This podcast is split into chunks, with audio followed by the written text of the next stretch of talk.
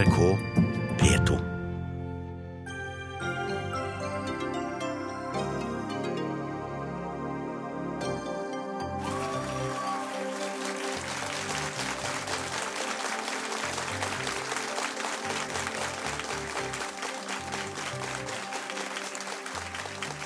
Velkommen til Dagsnytt 18. Velkommen til Studentsamfunnet Driv, midt i Tromsø. Sakene våre i dag oljeboring utenfor Lofoten, Vesterålen og Senja. Selv ikke Arbeiderpartiordførerne i nord er enige om konsekvensutredning. To av dem sitter her klare til debatt. Det er horribelt at vi kastes ut fra utesteder bare fordi vi har på oss skinnvest, sier lederen for MC-rådet i Tromsø, som møter politiet til debatt. Og vi lokkes til å gå av skaftet i butikkene på den elleville kjøpefesten Black Friday, som er i morgen. Nå rykker til og med en av bankene ut og ber både folk og forretninger å holde hodet kaldt. Og Nord-Norge, et politisk Balkan, sier politisk redaktør i Nordlys. Krangelen mellom fylkespolitikerne gjør det vanskelig å lage én region i Nord-Norge.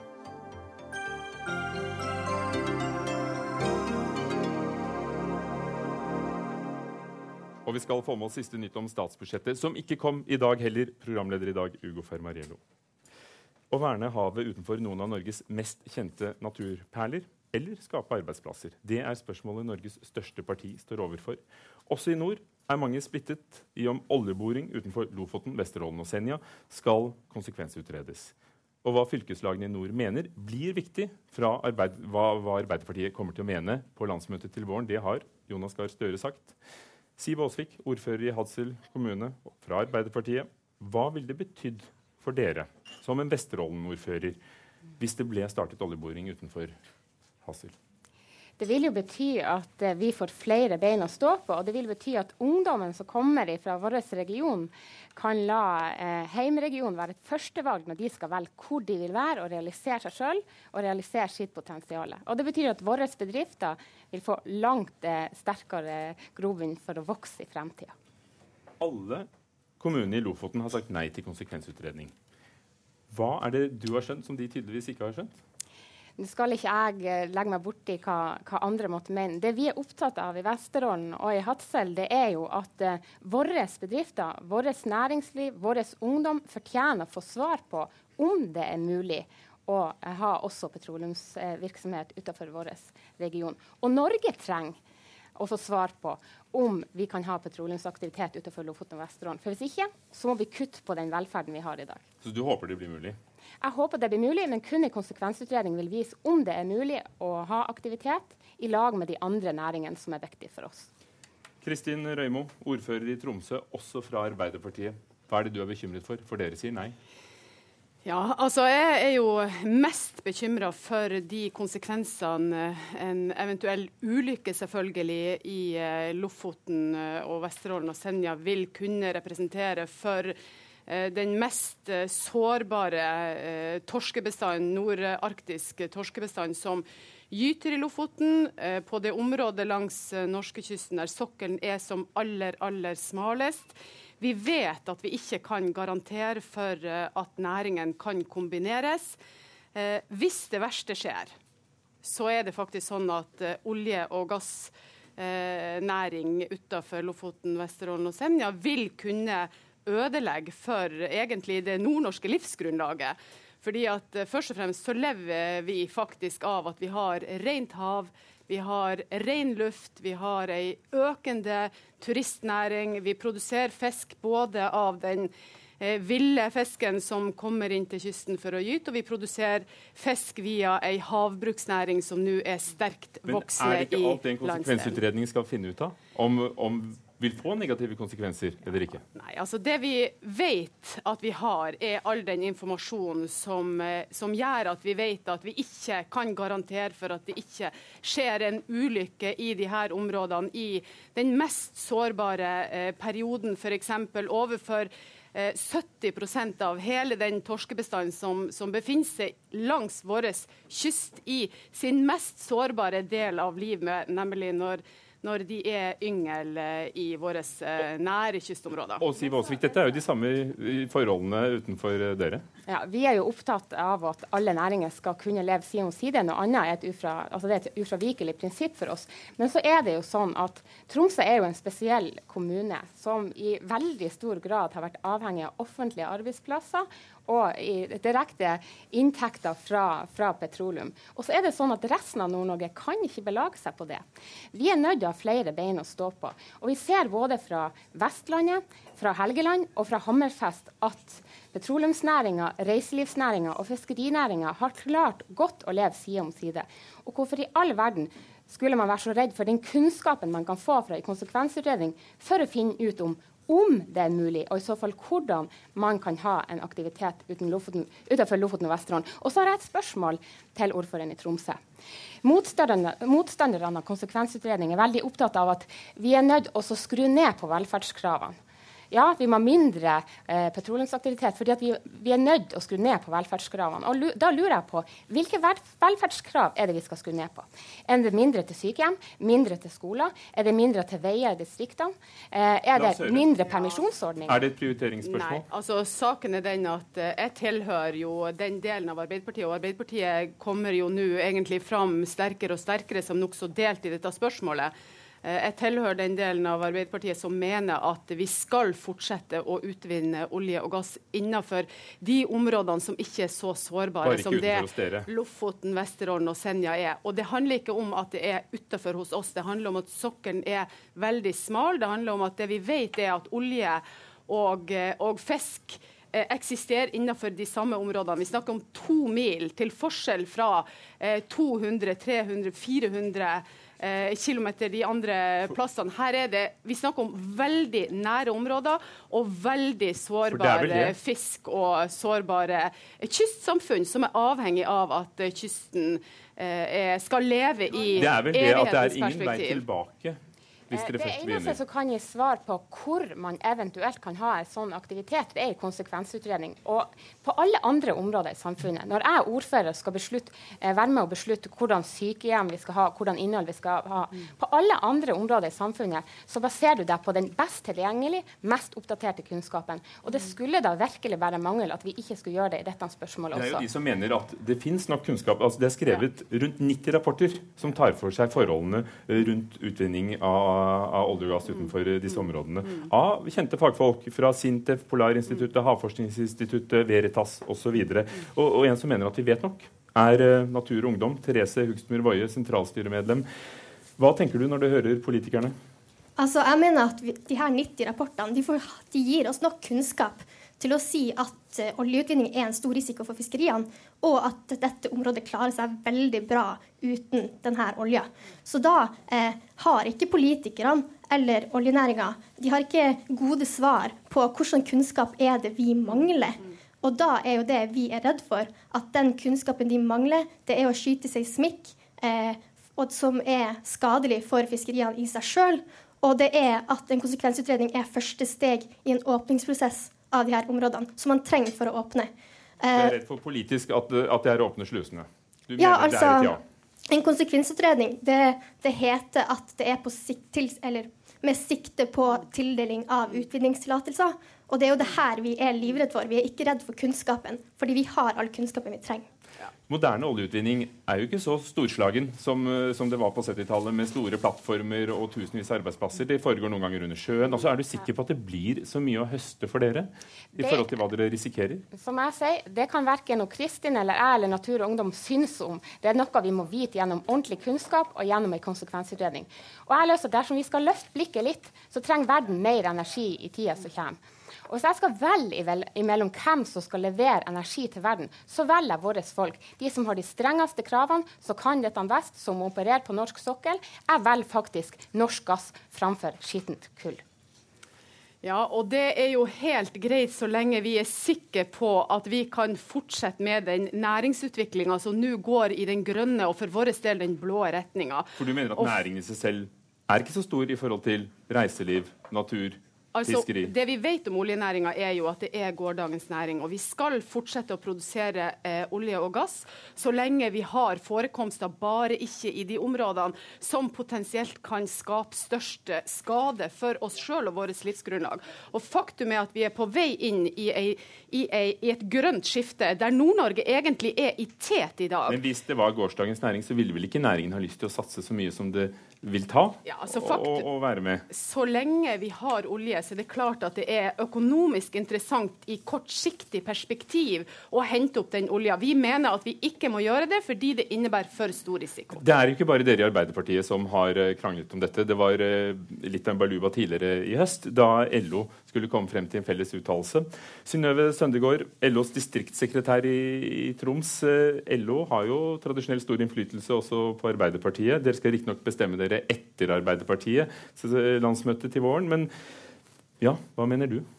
Nei, altså jeg mener Et, et bråstopp i olje- og gassvirksomhet nå, det genererer ikke noe grønt skifte. Næringsutviklinga skjer jo på ryggen av det næringslivet vi allerede har. Der kommer innovasjonen, og der kommer de nye arbeidsplassene. Og Dagens eh, kongressprogram er ganske tydelig. Vi ønsker en konsekvensutredning for å vite hva vi skal og hva vi ikke skal gjøre. Men et flertall av kongressdeltakerne på LO vil være for vern. Det får vi jo se når Kongressen Kongressen hvordan kommer. skal du argumentere? Ja, altså Argumentasjonen kommer jo selvfølgelig til å gå at arbeidsplassene eh, i dag må sikres, og vi har ikke noe som kan ta over. Du har en ordfører fra Arbeiderpartiet som mener at det er gårsdagens næring. At det ikke er de arbeidsplassene vi trenger. Altså Vi har jo til dags dato ikke sett den veksten i andre næringer som kan ta over for de ca. 300 000 arbeidsplassene vi har.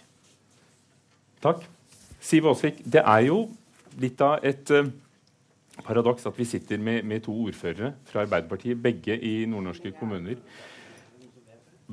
Hvor mye vil det ha å si hva, hva dere kommer frem til i nord?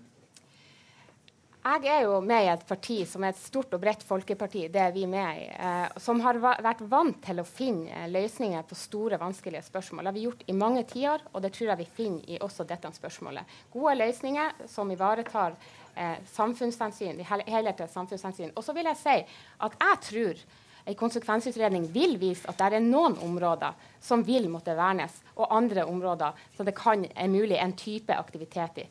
Eh, sånn at Jeg tror at det er godt mulig å komme fram til et kompromiss, både i LO og i Arbeiderpartiet, og jeg tror at det blir avgjørende i norsk politikk. Er det skjebnevalg? Ja, jeg tror at det kan være et veldig alvorlig skjebnevalg for eh, Nord-Norge, og også for Norge. Og jeg mener at vi er nødt til å ha veldig stor, eh, stor eh, oppmerksomhet på den nye grønne og blå næringsveiene og den grønne og blå økonomien. Det må vi bl.a. gjøre med å være tydelige på å si nei til å utvinne olje i Norges mest sårbare havområder. Og den blå økonomien, det er altså havet. Ja. Takk skal dere ha. Det havet vi snakket om. Kristin Røymo, ordfører i Tromsø, og Siv Dagny Aasvik, ordfører i Hadsel kommune. Begge fra Arbeiderpartiet. Dagsnytt 18 alle hverdager kl 18.00 på NRK P2 og NRK2.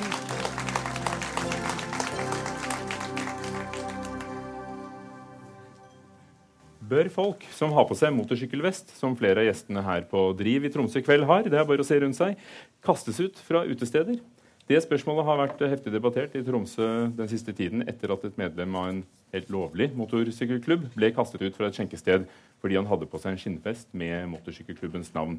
Og det hele skjedde med politiets eh, velsignelse. Siv Anita Sole, leder for MC-rådet i Tromsø. Du representerer da alle motorsykkelklubbene i Tromsø. Hva er det som provoserer deg? Altså, Det provoserer jo det at eh, For det første så vil jeg si at det finnes ingenting som heter ulovlig motorsykkelklubb i Norge.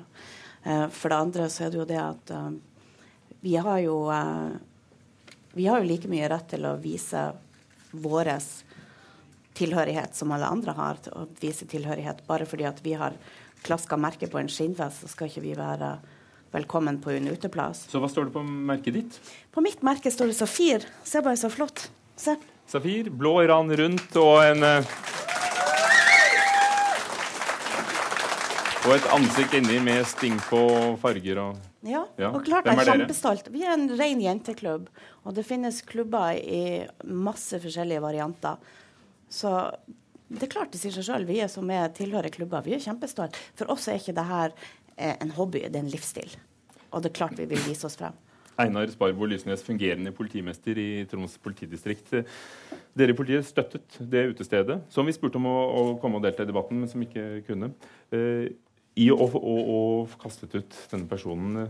Hvordan, hvordan kan dere det med, med loven i hånd? Ja, For oss har det vært eh, viktig å, eh, å, støtte de utestedene som har tatt det standpunktet. Vi pålegger ingen utested, og vi kan ikke pålegge noen utested å ta den type standpunkt. Men for de som har tatt det, så har det vært viktig for oss å signalisere at vi oppfatter dette å være fullt lovlig. Eh, vi har i Tromsø en strategi som vi er sammen med kommunen om, hvor vi eh, ønsker å vise en kald skulder til eh, 1 %-miljøet innenfor MC-kriminaliteten. Kan du fortelle oss hva er det dere mener når dere snakker om 1 %-miljø? Det er den uh, prosenten av MC-miljøet som er et problem for norsk politi. Uh, det er et miljø som, hvor det begås kriminalitet, og det begås alvorlig kriminalitet. Det er ingen hemmeligheter, og det er en oppfatning politiet har hatt lenge. Det har vi forsøkt å dokumentere, og det har vi også erfaringer med lokalt. vi har et sånt miljø vel etablert i Tromsø. Og Det er også litt av bakgrunnen for at enkelte utesteder, men noen få utesteder, har valgt å ta det standpunktet. Man ønsker altså ikke å forby MC-folk å komme på byen, men man ønsker ikke uniformeringa inn på utesteder fordi det skaper frykt, redsel, og det kan provosere. Så hvis det er sånn at det skaper frykt, og da kanskje flere enn hos politimesteren, eh, kan dere ikke bare ta dere vesten? Klart vi sikkert kunne ha tatt av oss vesten, men det kan du jo spørre f.eks. dem som går med AUF-T-skjorte, eller dem som går med Tromsø svingklubb, eller hva de måtte gå med. Om ikke de òg kan kle av seg fordi at enkelte syns det skulle være ubehagelig. Jeg ser ikke at vi eh, viser Altså, jeg kan ikke forstå hva som skal være så skremmende med den MC-vesten i det hele tatt. Og jeg kan heller ikke forstå hvordan eh, så mange mennesker skal skjæres under én kam fordi det finnes enkelte kriminelle personer i et miljø. Det finnes det i alle miljøer. Det gjør det i politiet òg. Det kan... finnes jo hvitsnippforbrytere. Men kaster dere ut Kaster dere ut eh, folk med dress og hvit snipp?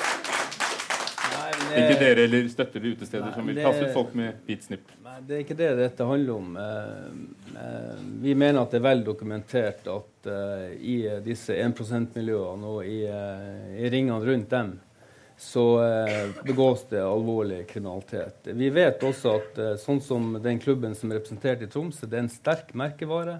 Eh, publikum eh, og også ansatte på utesteder eh, frykter En del av dem frykter det miljøet. Men for å snakke om 99 %-klubbene, der hvor det ikke begås kriminalitet, og ingen er dømt og ingen er mistenkt for noe engang, med hvilken eh, rett går det an da å, å, nekte dem den ytringsfriheten det er, og som står i Den europeiske menneskerettighetskonvensjonen, at man kan kle seg som man vil, også på et sted? For vi snakker jo ikke om, vi snakker jo ikke om um, en trestjerners restaurant. Vi snakker om puber, utesteder. Ja, Det er ingen tvil om at uh, dette, er et, uh, dette, er et, dilemma. Det er problematisk. Uh, det er ingen tvil om. Men spørsmålet er, Må ikke dere da passe på at alle opplever og får den retten som står der, til å ytre seg som, det, som de vil? Om det, det, er med klær. Det er ikke politiet sin, sin rolle eller oppgave.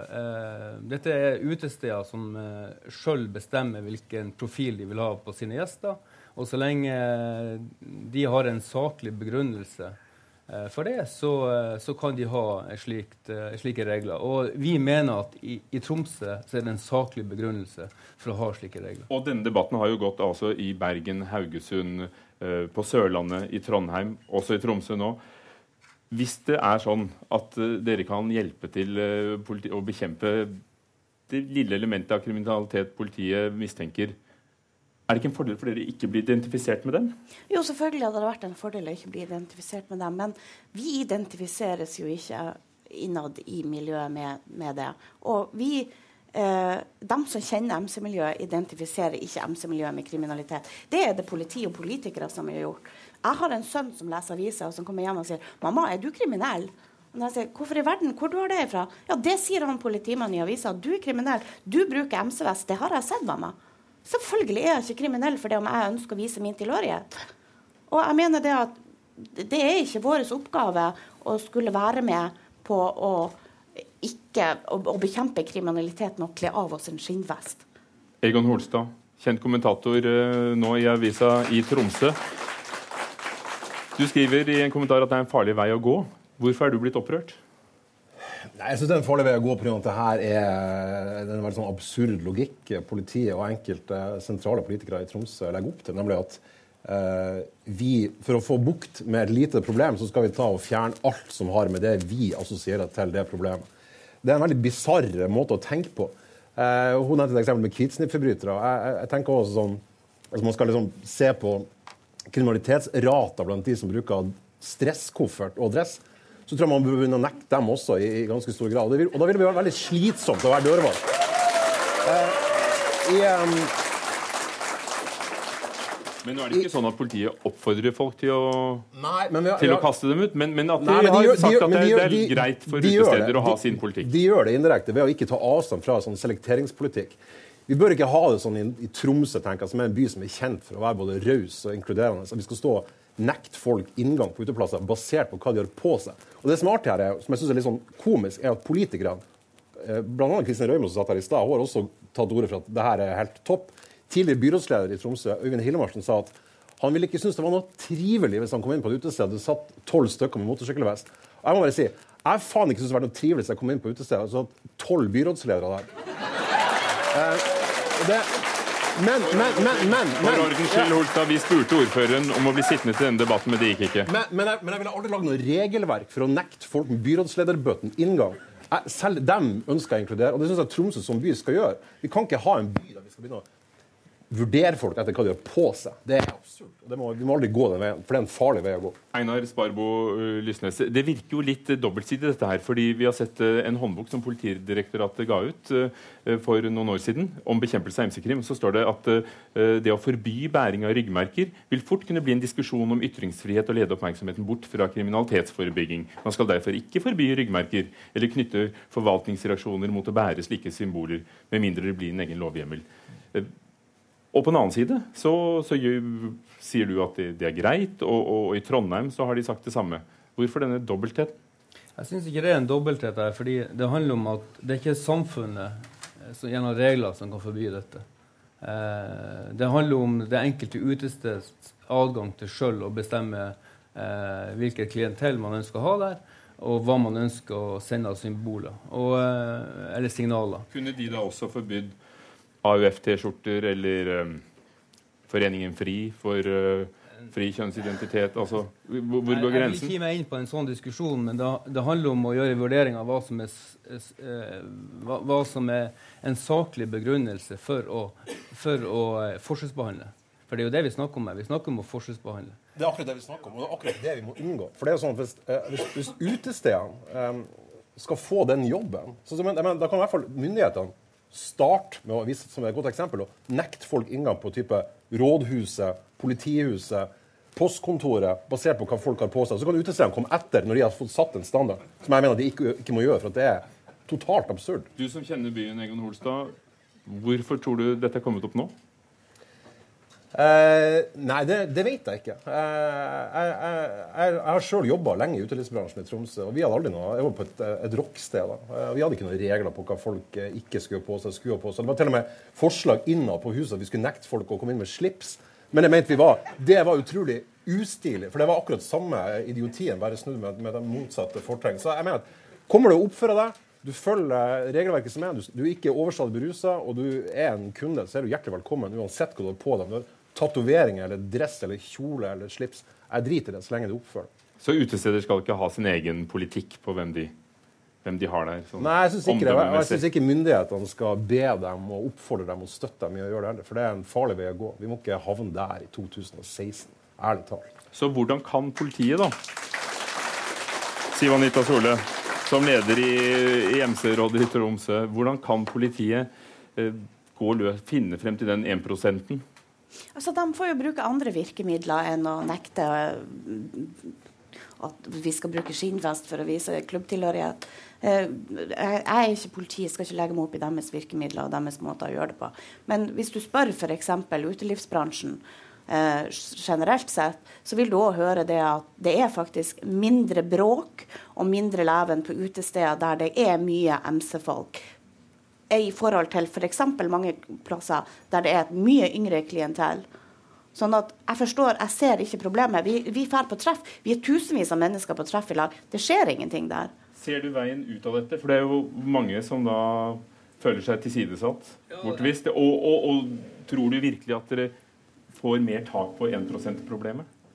Altså 1 %-problemet er der, og, eh, og, vi har mange strategier for å bekjempe eller redusere eh, det miljøet. Og viktigst av alt er å hindre nyrekruttering til det miljøet. Og jeg vil igjen presisere at Vi er ikke for en regulerende linje her. Det er vel to eller tre utesteder av, av mange titalls utesteder i Tromsø som har et sånt forbud. Så det er opp til alle MC-folk å gå andre steder. men dere støtter vi, nei, dem i dette har, forbudet? Vi har ingen strategi om, uh, der vi jobber aktivt for at utesteder skal hindre MC-folk å komme inn. Det er men ikke riktig. Det har vi aldri hatt. Vil dere hatt den motsatte strategien hvis det var andre grupper som ble utestengt? Altså å si ifra at alle har adgang? Nei, altså det, For oss så handler det ikke om det. For oss handler det om å støtte de som ønsker å, å ha eh, en color-snack. Og, og, vi mener at i visse situasjoner på visse steder så er det et fornuftig tiltak. Og det mener vi også at historien har vist. Dere har i hvert fall vist fargen deres alle i dag. Den blå politiuniformen og ditt MC-merke. Takk skal dere ha. Einar Sparbo Lysnes, fungerende politimester i Troms politidistrikt. Siv Anita Sole, leder i MC-rådet, og Egon Holstad, kommentator i, i Tromsø.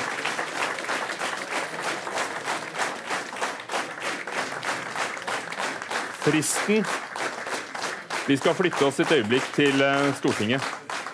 Fordi klokken eh, seks gikk fristen ut for eh, å, å, fremme denne såkalte tilleggsinnstillingen til årets statsbudsjett. Men så er det det at de fire borgerlige partiene fortsatt ikke har klart å bli enige om en budsjettavtale og forhandlingene fortsetter. For aller første gang står Stortinget i en situasjon der budsjettendringene kan bli fremmet først, først samme dag som budsjettdebatten, og det er altså 5.12. Lars Nehru Sand, vår politiske kommentator. Hva skjer når samarbeidspartiene bryter også denne fristen?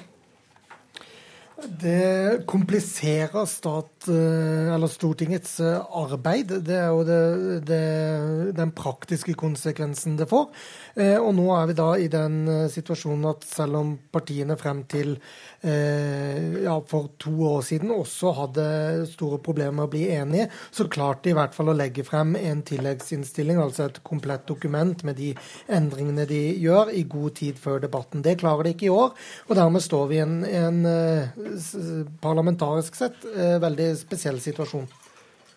Så hvorfor lager de seg disse fristene når de ikke kan, eh, ikke kan komme ut og annonsere noe nytt med brask og bram? Det er jo den formelle arbeidsplanen eller tidsplanen som er i Stortinget, som gjør at eh, fristene som brytes eh, Eller fristene settes, og så når de brytes, så får det litt ulik konsekvens. Jeg tror det forhandlingsløpet man kunne ha hatt frem til i dag, har man da hatt senest for, for to år siden. Mens eh, det man nå står overfor, er en situasjon man ikke har sett før. Er det fortsatt disse mm, bilavgiftene og, og drivstoffavgiftene de, de, ikke klarer å bli enige om, Venstre og, og KrF?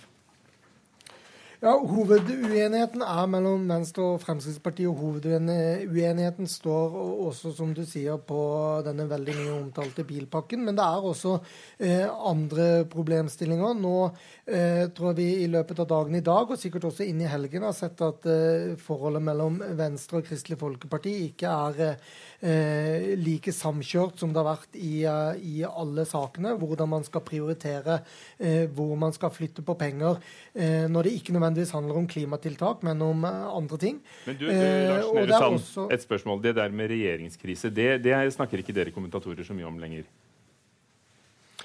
Uh, vi snakker i hvert fall om den krisen som er for samarbeidet til uh, Erna Solberg. Og, uh, og, jeg tror vi går inn i en kritisk fase nå i helgen for, for hvorvidt de fire partiene holder sammen.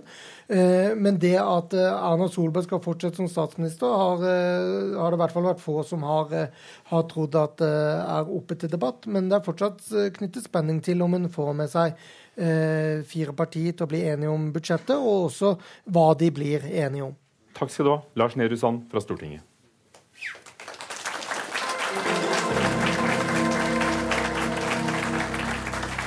I morgen skjer det. Folk river i hvert sitt bukseben og slåss om den siste elektriske tannbørsten så busta fyker.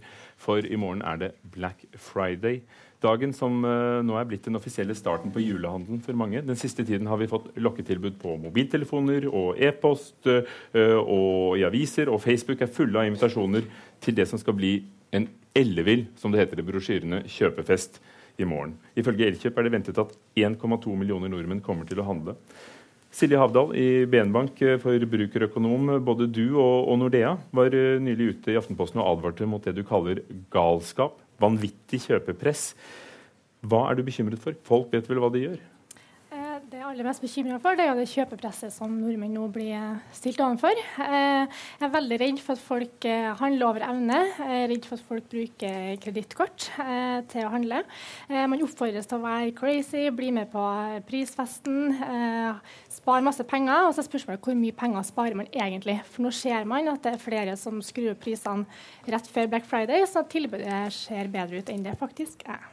Einar eh, Sørland, leder i Norwegian Outlet, som finnes uh, både på Vestby og i Stavanger. Det var dere som startet det hele i Norge. Tatt det med fra, fra USA, og i 2009 dukket det opp hos, hos, oss takket være dere. Og nå tar vi det til nye høyder, skriver dere på nettsiden. Hvorfor uh, vil dere piske opp stemningen blant nordmenn og, og sette i gang det, det sirkuset dere har gjort?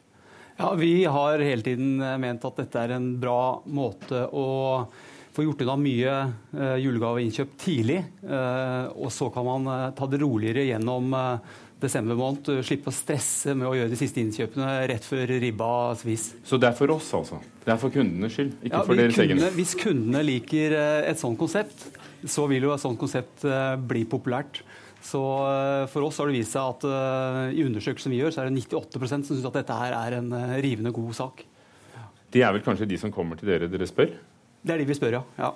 To av tre som planlegger å handle, sier at det er for å handle julegaver.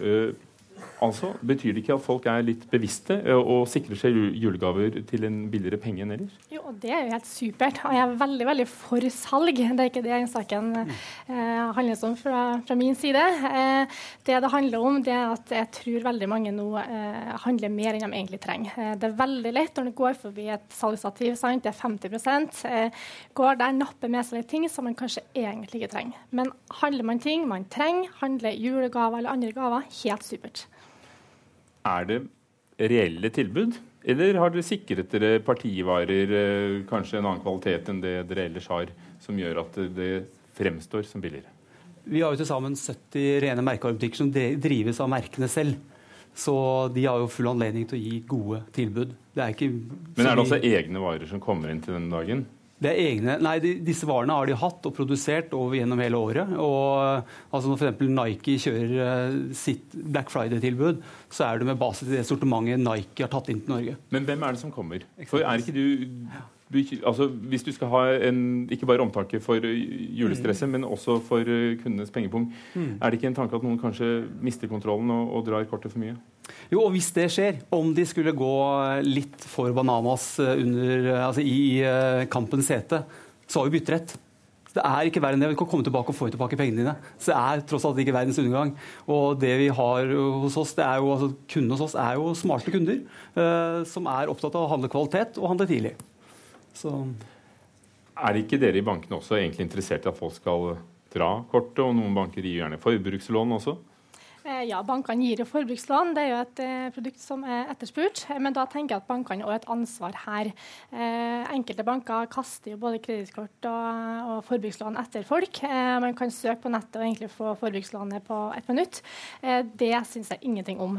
bankene er ansvarlige, og det skal ikke være noe enklere å få forbrukslån enn å få et boliglån. Det er men, min mening. Som forbrukerøkonom, tror du folk kjøper mer enn de ellers ville gjort, eller kjøper de bare den samme kaffetrakteren billigere? Eh, jeg tror at de kjøper mer enn de ellers ville gjort. Jeg tror ikke det er sånn at de handler masse på Black Friday, og så dropper de å handle resten av året. Eh, det, det har jeg lite tro på. Der har vi tall. Og det viser seg at eh, når du tar kjøpesentrene og deres utvikling de siste årene, så er det en forskyvning. Så veksten i u-landene har jo ikke vært dramatisk høy. Veksten på kjøpesentrene har ligget på 3-4-5 de siste årene. Vi har hatt mye høyere vekst, men vi har også et annet konsept enn vanlige kjøpesentre. Men det er ikke noe sånn bonanza for kjøpesentre. Det, det, er en forskyvning til nett. Det er noe helt annet. Fortell oss hvordan det foregår. Hvordan, hvordan ser det ut i morgen foran uh, kjøpesenteret ditt? Ja, eh, De to merkebare merkevarebyene våre de rigger til fest. og det er, det er, nok hektisk i starten. Men vi gjør det jo til en julegateåpning med konserter, med operasangere, med fyrverkeri. Og så er det timestilbud hvor folk har høy puls. Det, de her hører vi ord som julegate, fest, konsert. Er det ditt inntrykk? Ja, det er absolutt mitt inntrykk. Det er jo som du starta med, sant? det er ellevilt, det er crazy, det er eh, kanskje på grensen til galskap. Eh, folk møter opp i mange timer før for å sikre seg gode tilbud. Og, eh, og det ja. er da hysteriske tilstander som får enhver tegneseriehandel og Dolly Duck på tur eh, til, til å virke som barnemåten i forhold. Altså, når, altså, da, da, jeg beskrev folk som river i hvert sitt bukseben, så var jo det en historie vi har hørt. Ja. Og Det er klart det er litt fight om de beste tilbudene, fordi noen av tilbudene er ekstremt gode. Det skal vi si, så vi pisker opp stemningen litt. så Har du sett måte. at det kan tippe over? Vi har nå hatt, I løpet av de årene vi har drevet med dette, vi har hatt inne sikkert en 400 000-500 000 kunder totalt uh, der omkring. Det har vært én som har eh, holdt på å beskrive en eldre dame som hadde litt lavt blodsukker og fikk en pepperkake. Uh, og det har vært noe knuffing. Men altså, det er dette er ikke verdens undergang. Altså. altså det, dette var de som startet det her hos oss i Norge. Hva, hva vil du si til ham, sett uh, fra ditt perspektiv som uh, uh, bankdame og forbrukerøkonom? Ja, det tenker Jeg altså, jeg tror vi er ganske enige på mye ting. altså Salg det er bra, men det jeg i alle fall håper det er at det er reelle salg. Mm. At ikke dere er en av dem som skrur opp prisene først og bare lurer kundene. For, for da blir jeg provosert. Det fins. Hva, hva, hva, vet vi om det? Altså, hvor, hvor nøyaktig vet vi om at det skjer? Det har vært en del saker i media nå de siste dagene. Eh, og personlig har jeg gått på den smellen sjøl. Eh, det sier jo til alle sammen at nå må dere eh, sjekke først, sjekke priser først. Eh, det gjorde jeg ikke. Jeg kjøpte meg steikepanne som eh, skulle ha kostet 800. Det var førprisen. Halv pris, kjøpte den til 400, og så i nabobutikken solgte den til 500 uten at det var på tilbud. Så jeg trodde jeg sparte 400, men så sparte jeg 100. Så det viser at det er viktig å gjøre en research først. Men hvis det er sånn at ikke alle har stålkontroll, har ikke dere i bankene et ansvar for å, å, å, begrense nettopp den lette tilgangen til lån? Selv om kanskje ikke dere er, er dem som gir det lettest. Det vet jeg ikke, men uh, ja, men Det var jeg inne på i sted. Altså, det synes jeg absolutt bankene skal gjøre, uh, uten tvil. Uh, det er kjempeviktig at man ikke markedsfører både kredittkort og forbrukslån rått, og at man bare slenger det etter folk. Hvem er de med stålkontroll, og hvem er dem av oss som havner i luksusfellen? Eh, kanskje vanskelig å si. Har nok litt med, med alder å gjøre òg, eh, tenker jeg. Eh, men de som er bevisst, de som er, eh, har et fornuftig forhold til økonomien sin, de tenker jeg kjør på. spar penger på salg, det er fint, det. Har du noe inntrykk av hvem som er dem med mest kontroll? Ja, det er kvinne 40 som er høyt utdannet. Og det er den største kundegruppen vi har. Det er kanskje deg, det? Ja, litt yngre, kanskje. 40, da. en god del yngre. Takk skal dere ha, Siri Havdal, forbrukerøkonom fra DN Bank, og Einar Sørland, leder for Norwegian Outfit.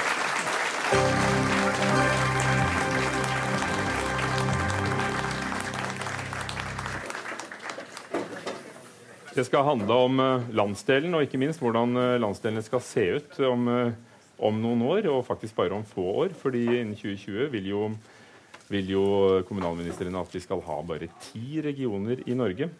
Sammen er vi sterkere, har de funnet ut på Vestlandet. Og i Trøndelag de skal slå seg sammen allerede for 2018. Men i Nord-Norge så er det ganske vanskelig å slå sammen fylkene, har det vist seg. Og med en uke forventer eh, kommunalministeren å ha fylkespolitikernes forslag til nye regioner på bordet. Men her i nord så har det stoppet helt opp blant de tre fylkene. Stemningen ble dårligere da Troms foreslo å innlemme kommuner i Nordland, bl.a. Narvik, i en ny og større Troms-region. Og Cecilie Myrseth, fylkesrådsleder i Troms fra Arbeiderpartiet. Skjønner du at folk blir sure? Ja, både og. Det det er jo ikke noen ny problemstilling at man eh, tenker at den grensa som er i Ofoten, eh, av og til også kan være til hinder. Det har jo også kommunestyrer, regionråd, KS, ulike foreninger også uttalt tidligere. Så at vi adresserer den problemstillinga, det tenker jeg også er vår plikt som politiker å lytte til de innspillene som vi får. Men, Men altså, du, du, sitter i Troms og foreslår at vi kan overta en kommune fra Nordland. Det... Ja, vi, har for... vi, har sagt at man burde se på det. Eh, sammen med veldig mange andre forslag eh, i vår innstilling. Vi har jo bl.a. også sagt at man fortsatt burde se på muligheten for ett Nord-Norge. Også at man burde fortsatt se på muligheten for arbeid mellom Troms og Finnmark, som man jo har hatt noen runder på tidligere. Eh, men dette er jo et, eh, en beskjed vi har fått fra regjeringa. Vi skal ha en regionreform. Man skal ha ca. ti regioner. Eh, Regjeringa har vært ganske tydelig i samtaler med oss at det kommer ikke til å bli tre fylker i nord. Og da handler det om å sette seg i førersetet eller sette seg på sidelinja og si nei til alt. Cecilie Myrseth, du har sittet i førersetet fra, fra, starten av, men hvordan syns du veien har gått? da? Nei, litt som forventa, kanskje. Troms har jo ikke bare i denne runden, men også tidligere vært eh, positiv til regionreformen. og eh, Jeg skulle jo gjerne sett at vi i hvert fall hadde hatt en utredning også på en, en, en landsdel. En slags um, konsekvensutredning? Wenche Pedersen, gruppeleder i Vadsø Arbeiderparti. Er det en dårlig idé å slå sammen Finnmark med Troms? Ja, jeg syns det er en dårlig idé. Og, eh, og, det er jo interessant å høre på Cecilie Myrseth. Og, og, det er jo ikke rart at det ikke blir noen regionreform i nord, fordi man har en slags arroganse. Jeg tror mye av arrogansen kommer fra Tromsø, altså fra Tromsø by. Og når man nå har mislyktes med samtaler med Finnmark, så har man altså kasta seg over de nordligste eh, kommunene i, i, Nordland. Og det sier noe om det her. Og jeg Altså Man snakker masse om geografi, man snakker om funksjonalitet, og man snakker om eh, institusjonell Hva du har skrevet, Skjalg. Eh, forflytting av makt.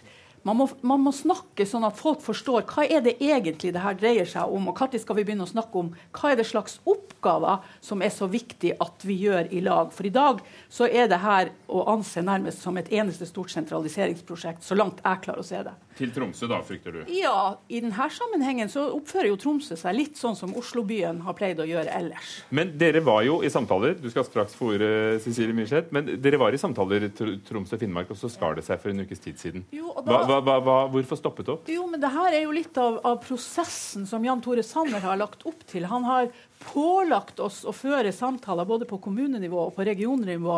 Han har pålagt oss å føre disse forhandlingene om noe som vi egentlig ikke ønsker. Sånn at her er det jo mer snakk om en plikt for å svare Jan Tore Sanner enn et utprega ønske om å slå seg sammen. I alle fall sånn som jeg tolker stemninga i Finnmark. Men det var nå han som brukte ordet at hvis dette først skal skje, så kan dere sitte i førersetet. Det var, det var Sanners ord. Og, og, og, og, hvis dette blir tredd nedover hodet på, på, landet vårt, da, så er det ikke en fordel å ha snakket sammen først? Jo, det kan du gjerne si, men det må også være lov å si at det er ikke sikkert at Jan Tore Sanner, som, sånn som han kjører det her løpet, at det er han som vinner denne kampen. Nettopp fordi at man, har, man er jo nødt til å snakke om oppgavene og hva det egentlig skal bli før man snakker om geografi. og Derfor blir det en metadiskusjon. Det her. For det er jo ikke helt klart ennå hva de nye regionene skal. Bare at det skal bli mer enn fylkene gjør i dag. Myrseth, hvorfor, hvorfor stoppet opp? Nei, altså, Jeg er jo helt enig med Wenche i dette med oppgaver og makt. Og Det er derfor jeg mener vi må sette oss i førersetet. Er du enig med det med arroganse også? Nei, det, vet du hva, det der er jeg faktisk litt sånn lei av å høre at hver gang man mener et eller annet om samhandling i nord, og det kommer fra Troms, så skal det visstnok handle om Tromsø-arroganse. For å si det sånn, den byen som overhodet ikke har behov for at det skulle bli sammenslåing eller ikke, som kommer til å klare seg uansett, Tromsø er en av de byene. Eh, men dersom man hadde gått videre med samtalene, så kunne man ha sett på hvordan kan man styrke flere byer, flere senter. Og så vil jeg si at fylkesordføreren i Finnmark har gitt ros til Troms for denne prosessen og sagt at vi har vært veldig rause og inkluderende i prosessen. Så man man burde kanskje snakke litt i Finnmark før man kommer med den type kritikk jo, på denne prosessen. Men vi har jo noen erfaringer med regionalisering i Finnmark. Altså, Statlig virksomhet har regionalisert både den ene og den andre av sine vesener. Og det har stort sett ført til at man har flytta makt. Og den makta har i stor grad også havna her. Men ikke pga. Tromsø, men pga. Ja, Oslo? Jeg er ikke så sikker på kan det. Kan dette være sjansen å forhandle om å beholde makt? Det, det som, eh, jeg, jeg tror ingenting på det. Jeg tror vi har de institusjonene vi trenger gjennom både Nordnorsk råd og petroleumsråd om de tingene vi er enige om i nord. Det som er det problematiske, er det vi er uenige om. Og jeg vil ikke ha en stor far i Tromsø som skal fortelle hva, hva som er best for oss i Finnmark. Skjalg Fjellheim, politisk redaktør i, i Nordløs. Ehm, du har hørt politikerne nå, men du har hørt dem nå i, i mange måneder og år. Hvordan vil du beskrive stemningen når det gjelder det med å slå seg sammen? Det ser ut til å bli en misbrukt eh, mulighet for Nord-Norge til å slå seg sammen eh, til en sterk norsk arktisk region. En region som kan få nasjonal innflytelse og tyngde. Um, Norge er jo et sentralstyrt land, eh, kanskje det mest sentralstyrte landet i hele Europa. Vi har behov for å flytte makt ut av Oslo. Nord-Norge har fantastiske ressurser. Olje og gass, fisk, sjømat, eh, en voksende reiselivsnæring. Hvis vi samler mer makt i denne landsdelen her for å utgjøre et eh, For å styrke vårt egen mulighet for å nå frem i, i hovedstaden i Oslo overfor sentralmakta, så, så, ville det vært veldig bra for landsdelen. Men dette er i ferd med å smuldre bort pga. særinteresser i Nord-Norge. Men da jeg siterte deg på at du har kalt det et politisk Balkan, ja, det er ganske sterke ord? Altså, eh, altså når, man, når, man, når man driver og annekterer land fra hverandre ikke sant? og Troms foreslår å, å, å, å innlemme deler av Nordland i Troms og Nordland foreslår å annektere deler av Troms inn i Nordland, så gjør man jo det motsatte av den politiske bestillinga fra regjeringa, som er finn ut hvordan vi kan skape et nytt regionalt Norge. I Nord-Norge så har man bestemt seg for at resten av Norge skal drive med regionalisering. I Nord-Norge skal alt være som før. og det er jo sterkt beklagelig. Så sitter du da, som politisk redaktør i en Tromsø-avis. Ser du poenget fra Vadsø at eh, det betyr en sentralisering til Tromsø?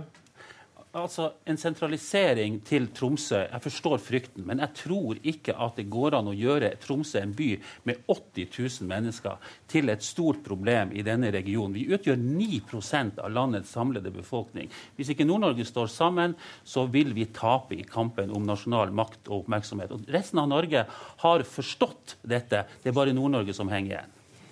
Vil si at for det første så har jeg jo veldig sånn stor forståelse for også i Finnmark at man føler en sterk avmakt fordi det er, har gått mange prosesser som har flytta både arbeidsplasser og makt ut fra det fylket.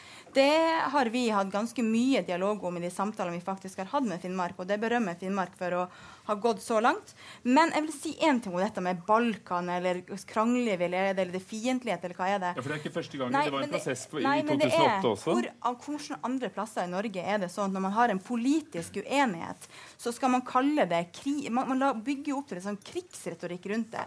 Vi må da vel kunne være politisk uenige i Nord-Norge som alle andre plasser i Norge. Og det må vi faktisk tåle uten å si at samarbeid og samholdet rakner. Men, men, tror du at dere i, i Finnmark for eksempel, kan, kan slippe unna denne regionreformen som skyller over landet? Ja, jeg håper det. Jeg håper det fordi vi har folk, og fordi vi har ressurser. Vi har flinke folk. Vi har visst at vi klarer å gjøre en del viktige ting. Vi har, eh, vi har gjort vellykka greier i forhold til å ta på oss nasjonale oppgaver, i tillegg til at vi har næringer som også utvikler seg sjøl. Men altså når man snakker om at Nord-Norge skal stå i skammekroken, hva er det slags region som har vært minst villig til regionalisering, om jeg tør spørre? Det er vel Oslo-byen? Vi hadde en debatt om Oslo skulle unntas hele prosessen. For det er jo som kjent fylke og kommune i en stor salig enighet. Uh, Skjalg Fjellheim, 40% av landet er Nord-Norge i kvadratkilometer. Ja. Da er det kanskje rom for å beholde kanskje til og med tre fylker? Men jeg mener det er feil å telle kilometer areal. Vi må telle antall mennesker. Og vi er få i Nord-Norge. Vi har enorme, svære ressurser. Enormt rik på naturressurser, men vi er få mennesker. I Finnmark, der Wenche eh, kommer fra, et enormt areal. 70 000 mennesker. Det er klart at Hvis vi står sammen i Nord-Norge og, og klare å forene oss om de store og viktige sakene, så vil vi få en tyngre stemme inn i den nasjonale samtalen. Men hvilken makt? Hva er det dere kan vinne? Vi kan vinne større makt. Vi kan få flytta oppgaver ut fra Oslo og til vår nordnorske region. Ikke, ikke, allerede i år, men dette kan være starten på en prosess. Og jeg mener Det er helt feil av Nord-Norge å vende ryggen til denne muligheten, som, er, som kanskje ikke kommer igjen på mange mange år. Og hvorfor har dere ikke snakket med Nordland i det hele tatt? Jo, vi har snakka med, med, og invitert til, invitert til felles prosess eh, i nord. Men, men, vi har jo også respekt for at det er ikke enighet om det. Har du det, gitt opp Nordland? Er det, altså, er det sånn at du ser bare nordover? Nei, men fristen er jo sånn cirka nå. Eh, og da må vi forholde oss til det, og vi må avgi politisk eh, innstilling. Det har vi gjort. Og det har vi gjort ut fra et Troms-perspektiv. Hadde vi stått sammen om en utredning om eh, regionreformen, så hadde vi åpenbart også gitt ei, ei innstilling som reflekterte eh, interessene til alle tre fylkene. Sånn ble det ikke. Jeg registrerer jo at, eh, at kommentatoren i Nordlys snakker mye om å bli stor. Men nå har man, dere har jo henvist til bl.a. Vestlandet som slår seg sammen. Vi kommer til å være minst uansett. Og da er jo spørsmålet Jeg merka meg jo at man i Bergen nå var begynt å trekke seg litt fordi at man var i ferd med å minst, miste arbeidsplasser osv. Den øh, dimensjonen må man ha med seg i det her. Vi kommer til å være minst salg om vi slår oss aldri så mye sammen. Derfor er det andre måter vi må jobbe på i forhold til, i til Oslo-byen. Skjalg Fjellheim, som politisk kommentator. Um hva skjer fremover, tror du? Hva kan løsningen bli? Altså, har For vi, vi, har skjønt hva du vil. Ja, altså Nord-Norge har gitt fra seg muligheten til å bestemme dette sjøl. Ja. Nå er det opp til Stortinget å bestemme om man skal bruke tvang overfor disse kranglefantene i Nord-Norge, eller om man skal la Nord-Norge fortsette som før, med tre små fylker i et Norge som består av store regioner. Vil det kunne skje? Det er, vil absolutt kunne skje. Dessverre. Vi sier stopp der. Takk skal dere ha. Skjalg Fjellheim, politisk eh, redaktør i Nordlys. Cecilie Myrseth, fylkesrådsleder for Troms fra Arbeiderpartiet, og Wenche Pedersen, gruppeleder i Vadsø Arbeiderparti. Hør Dagsnytt 18 når du vil. Radio NRK Radio.nrk.no.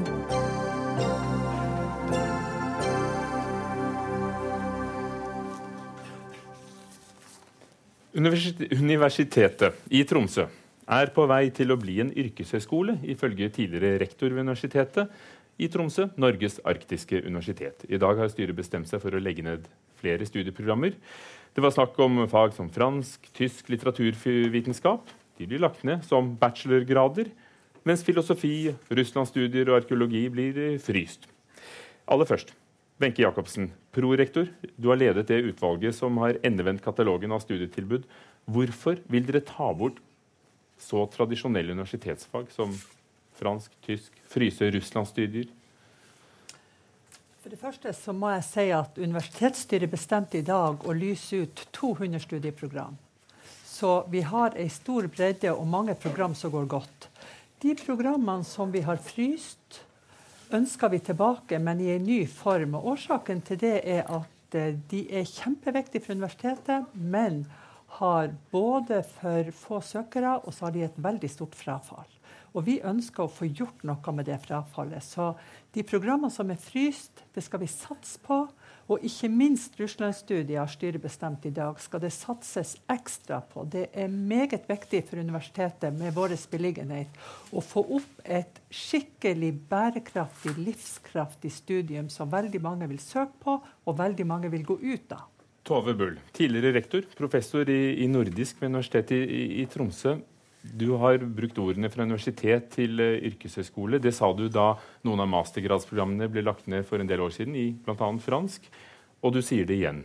Hva er i ferd med å skje, som du ser det? Ja, nå, nå, har jo universitetsstyret fatta vedtak som ikke er så drastisk som dette uh, utvalget som utreda saken på forhånd uh, foreslo. Så, så, det er ikke så ille som det så ut, og, og, som skapte så mange reaksjoner. Det må jo sies. Men jeg kan fortsatt ikke ta en bachelorgrad i fransk nei, eller tysk nei, i fremtiden? Nei, nettopp. Og du kan ikke gjøre noe i, i fransk i framtida, slik situasjonen er.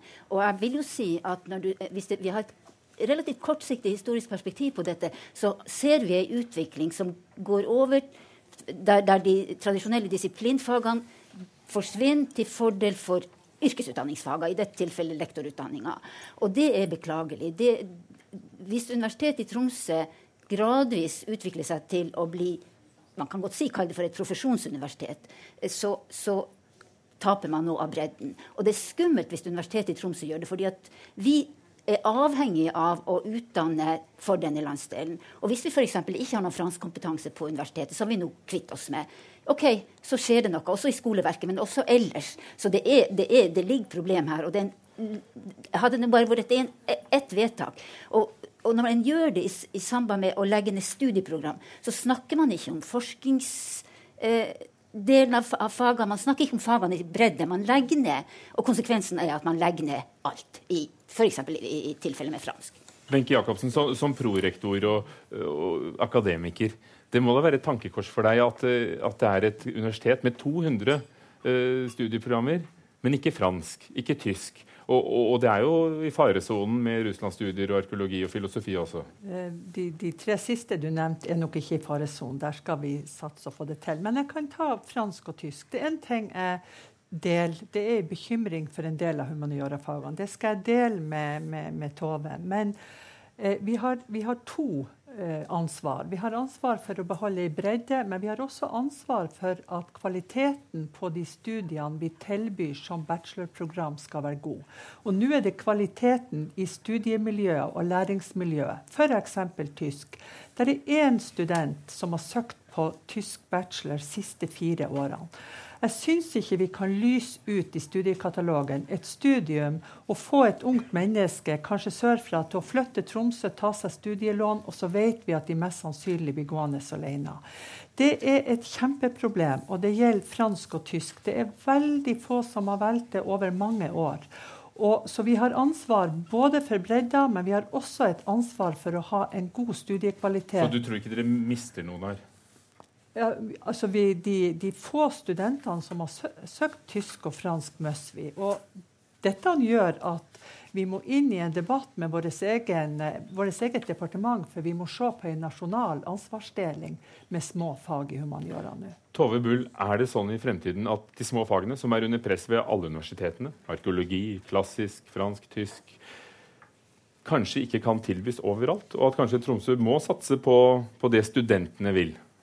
Ja. Eh, både og. Nå syns jeg jo det er urimelig at 18-19-åringer sine valg skal styre den politiske utdanning, eh, universitetsutviklinga. Det, det, det, er tanketomt å overlate det til studentvalg. Og jeg synes jo også at jeg skjønner godt at i en sak som handler om studieprogramporteføljen, at man, at man, man, diskuterer det på den måten som man gjør. Men når man ikke har det overordna fagpolitiske synet til stede, definert helt ut av denne debatten. Det er et problem, og det er et universitetspolitisk problem. Til sjuende og sist må vi spørre oss hva vil vi at Universitetet i Tromsø skal være? Skal det være en instrumentell yrkeshøyskole, eller skal det være en institusjon som har rom for refleksjon, som har rom for historie, som har rom for språk, som har rom for det Vi skal ta oss rom til nettopp en refleksjon og en liten historie fra nettopp en som er litt mer enn 20, kanskje. Marte Sandslett Seland, leder av studentparlamentet. Er det rimelig at det er deres unge studenters eh, noen ganger litt tilfeldige valg av studier som bestemmer at eh, store klassiske universitetsfag ikke kan tilbys engang som bachelor? Så aldeles ikke. Ansvaret på at studieprogram blir lagt ned, skal ikke ligge hos studenter som nettopp kommer ut av videregående skole og skal studere det de ønsker. Det blir en altfor eh, enkel ansvarsfraskridelse å skylde på studentene enn å ta ansvaret selv og tilby studier av høy kvalitet der man eh, sikrer god rekruttering og lavt frafall.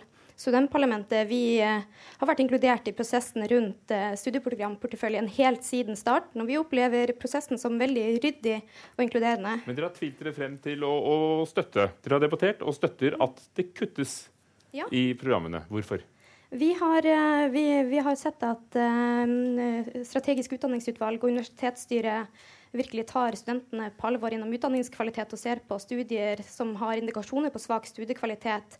Og det mener vi er kjempebra. Vi kan ikke ha studier på universitetet der vi vet at studenter blir gående alene, og der studentene mest sannsynlig blir å falle fra. Takk skal du ha. Wenche Jacobsen. Masterprogrammet i fransk ble lagt ned for en del år siden. Kan det være at mer eller mindre villet så, så, har dere ikke satset? og Da er det ikke noe rart at studentene ikke melder seg på. og Da, da kan ikke en som kanskje studerer noe økonomi, ta seg et franskkurs engang? Altså, eh, vi var, Både jeg og Tove var på eh, humaniora en humaniorakonferanse i Oslo. Og når det gjelder en del små fag, så er det et problem i nasjonen Norge. Så det jeg skulle ønske meg, det var at departementet og universitetene tar initiativ til en arbeidsdeling. F.eks. For, for å beholde et sterkt fransk i Norge. Kan vi gi ansvaret til et universitet som kan gi det på flere plasser, men at vi får et sterkt og livskraftig fagmiljø? Så Hvilket ansvar vil du ha, da? Her i Tromsø? Ja, for I dag så hadde vi et styrevedtak på at vi ønska stor satsing på russlandsstudier og russisk, så vi kan gjerne ta det ansvaret. Takk skal dere ha. Det var så langt vi kom. Tove Bull, Tove Bull tidligere rektor ved Universitetet i Tromsø, og Wenche Jacobsen, prorektor ved Norges arktiske universitet. Takk til alle folk som kom på Driv, med og uten vest og uniform og T-skjorter her i eh, Tromsø. Ansvarlig for sendingen i dag har vært Ida Tune Øritsland. Teknisk ansvarlig Nils Petter Christensen. Programleder Ugo Fermariello. En stor takk til NRK Troms. En stor takk til alle på Driv. Vi høres igjen i morgen. Dagsnytt 18 er slutt for i dag.